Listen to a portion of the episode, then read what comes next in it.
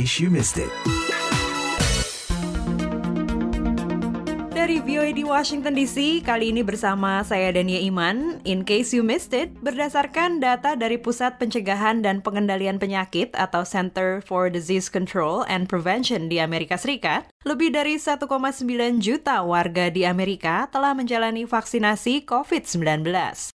Untuk sementara ini, vaksinasi COVID-19 diberikan kepada para petugas kesehatan dan para penghuni panti reda. Warga Indonesia Dita Nasrul Chas adalah seorang perawat yang juga anggota dari Satgas Bidang Kesehatan di negara bagian Texas, Amerika Serikat. Sebagai pekerja di garda terdepan, belum lama ini Dita mendapat kesempatan untuk menjalani vaksinasi COVID-19 lebih awal. Untuk mengetahui lebih lanjut seputar hal ini, saat ini saya sudah terhubung dengan Dita. Langsung saja kita sapa. Halo Dita, apa kabar? Hai Dania, kabar baik. Alhamdulillah. Gimana kabar Dania di sana? Baik, terima kasih sekali nih Dita atas waktunya untuk VOA kali ini. Nah, mungkin Anda bisa bercerita sedikit ya mengenai profesi Anda kepada teman-teman. Basic dari pendidikan saya sebetulnya adalah perawat. Tetapi seiring dengan keadaan sekarang, saya sekarang bergabung dengan dengan apa yang disebut sebagai PCT, Proactive Community Testing, yang dikelola oleh pemerintah Texas dan University of Texas at Austin. Jadi sekarang saya bergabung dengan mereka. Kami melakukan sejauh ini sudah sekitar 53 ribu testing terhadap komunitas yang kemudian kita tabulasi dan hasil tabulasi itu nanti akan menjadi bahan untuk para pembuat keputusan mengenai keadaan atau status COVID pada waktu tertentu. Misalnya apakah sekolah sudah boleh dibuka atau harus ada lockdown penuh dan sebagainya. Begitu Dania. Baik, dan apakah sehari-harinya tugas-tugas Anda juga berhubungan dengan pasien COVID-19, Dita? Karena basic saya perawat, pada saat rumah sakit begitu penuh, begitu membutuhkan perawat di luar apa yang mereka punya di dalam rumah sakit itu, saya masih sering datang ke rumah sakit sakit tempat saya kerja yang lama sebelum saya dipindahkan ke PCT. Jadi saya masih terus kontak juga dengan pasien tetapi tidak seintens 8 bulan kemarin. Baik, situasi pandeminya seperti apa saat ini di Texas, di kota Anda, Dita? Masih buruk dan itu sebabnya saya mendadak pagi ini saya dipanggil untuk berada di rumah sakit karena memang uh, yang masuk banyak dan melebihi kapasitas dari para perawat yang dimiliki oleh rumah sakit itu sendiri. Makanya saya tetap dipanggil begitu.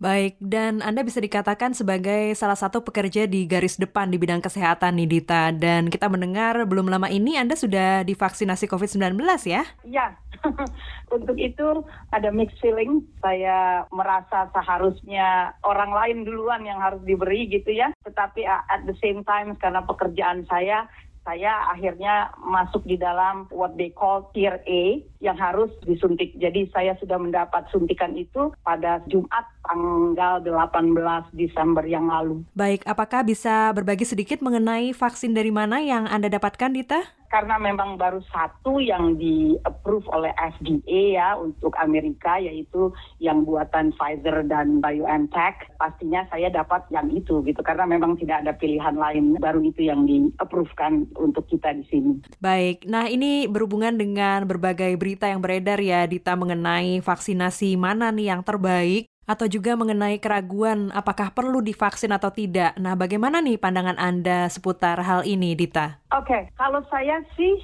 mantap untuk divaksin. Buktinya saya sudah melakukan vaksin series pertama saya dan saya akan tetap jalan untuk series kedua saya Januari tanggal 7 nanti. Kenapa begitu? Karena begini, orang banyak bilang kan vaksin itu harusnya uji cobanya lama dan sebagainya. Betul, memang uji coba vaksin biasanya lama dan menahun. Tetapi baru kali ini ada fenomena di mana sebuah penyakit itu seluruh ahli sedunia serentak melakukan uji coba, setuju untuk membuat vaksin bersama-sama. Nah, itu beda dengan yang dulu-dulu dulu misalnya polio hanya satu negara yang melakukannya, ahlinya cuma beberapa orang dan begitu juga dengan vaksin-vaksin yang lain. Tetapi waktu Ebola pun hanya sedikit, tidak seluruh pakar dunia melakukan uji coba secara bersama-sama. Lalu kemudian uji coba klinisnya sendiri pun itu dilakukan lebih banyak daripada vaksin-vaksin terdahulu. Menurut teman-teman saya dari penelaah vaksin di University of Texas at Austin ini, kalau waktu lagi Ebola dan singles, kalau saya nggak salah, itu hanya diuji coba kepada 15.000 orang dan 31.000 orang gitu untuk tiap vaksin itu. Tetapi untuk COVID vaksin ini diuji coba kepada 200.000 orang.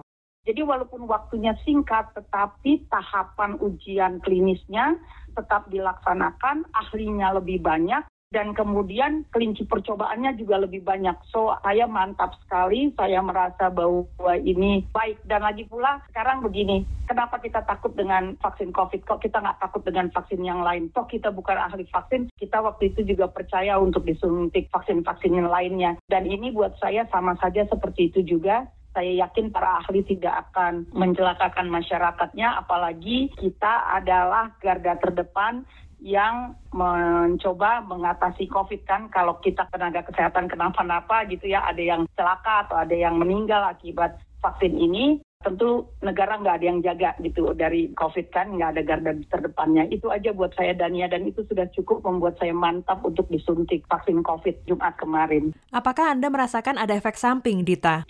yang ada malah malah banyak makan.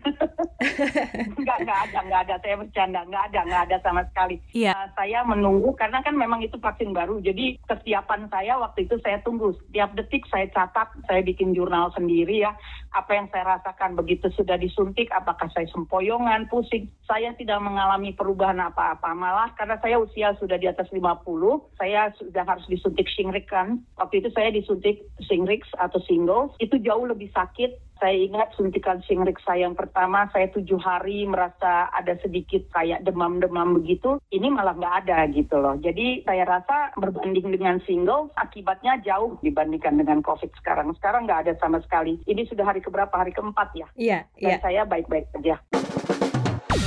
Ingin tahu kiprah diaspora Indonesia di Amerika? Atau tentang cerita yang Amerika banget? Tonton Amerikui di YouTube channel VOA Indonesia. Sekali lagi, jangan lupa Simak Amerikui di YouTube channel VOA Indonesia. Amerikui!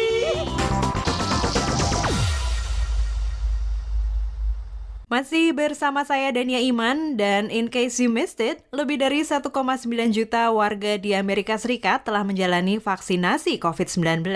Warga Indonesia di Tanah Chas yang adalah seorang pekerja di bidang kesehatan di negara bagian Texas sudah menjalani vaksinasi tersebut. Nadita mengetahui bahwa vaksinasi COVID-19 secara berangsur-angsur akan segera dilakukan ya ke masyarakat luas. Pernah nggak nih berhadapan dengan pasien COVID-19 atau orang-orang yang istilahnya menolak untuk divaksin? Karena ini baru tier A, maksudnya baru orang-orang yang betul-betul diharuskan untuk vaksin itu kebanyakan tenaga medis dan orang yang berhubungan dengan pasien COVID. Kita belum belum menyebarkan kepada umum kan, saya belum melihat apa itu reaksi umum terhadap vaksin ini. Tetapi antara sesama kolega saja itu ada yang ragu gitu, ada yang ragu, ada yang mikir, eh, entar deh lu lu suntik duluan deh gue lihat dulu lu, lu gimana gitu ada yang seperti itu gitu ya ada yang dia suruh saya maju duluan disuntik Jumat dia baru suntik kemarin karena dilihat saya baik-baik saja. Tentu aja manusia ada rasa ragu. Tetapi yang bisa kita lakukan itu adalah menyampaikan apa yang kita rasakan dan saya juga menyampaikan kenapa saya jadi mantap terhadap vaksin seperti yang saya udah ceritakan tadi. Tapi ada satu hal nih Dania di yeah. luar vaksin ini semua. Boleh nggak saya sampaikan begini? Yeah. Saya secara pribadi setelah divaksin nanti yang kedua ya. Karena kan gini, vaksin itu baru efektif dua minggu setelah penyuntikan. Jadi jangan dikira kita vaksin sekarang hari ini juga kita langsung dapat antibodi dan atau atau imun gitu kan. Enggak kan ya, dua minggu setelahnya. Jadi dua minggu setelah nanti suntikan yang kedua, saya mencoba untuk proaktif akan melakukan tes terhadap darah saya apakah saya memang terbentuk antibodi setelah dua kali suntikan karena ini suntikan baru kalau para ahli nggak kita bantu masyarakat nggak berpikiran untuk membantu memberi informasi apa yang terjadi dengan dirinya itu nanti ahli juga sulit nggak bisa dapat masukan apa-apa. Jadi saya secara proaktif, secara pribadi setelah nanti suntikan kedua tiga minggu atau satu bulan setelahnya saya akan melakukan tes darah untuk melihat apakah saya punya antibodi. Masalahnya juga sekarang bahwa perbuatan tersebut yang mau saya lakukan itu juga belum mendapat approve dari FDA. Itu sifatnya masih harus volunteer dan baru LabCorp sebuah perusahaan laboratorium yang melakukan ini yang men mendapat izin untuk melakukan uji coba tersebut. Jadi saya kemarin sudah menghubungi LabCorp, saya menjelaskan bahwa saya sudah disuntik yang pertama, mau suntik ke yang kedua dan setelah tiga minggu atau satu bulan saya setuju untuk jadi volunteer itu untuk melihat apakah betul dengan Pfizer vaksin ini antibodi kita terbentuk karena Pfizer kan metode vaksinnya berbeda ya baru sekali ini ada yaitu melalui mRNA yeah. bukan inaktif vaksin dan sebagainya. Jadi saya juga minta kepada teman-teman yang mendengarkan wawancara kita ini mohon proaktif membantu para ahli ini mendapatkan informasi sehingga mereka lebih cepat kerjanya untuk mendapatkan hasil akhir vaksin yang betul-betul efektif. Begitu Dania. Baik, Nadita ada pesan nggak nih untuk teman-teman yang sedang mendengarkan ya terkait dengan COVID-19 ini? Yang paling penting tetap lakukan protokol COVID, yaitu satu pastinya pakai masker, dua social distancing, tiga cuci tangan, dan banyak ini yang dilupakan teman-teman protokol keempat yaitu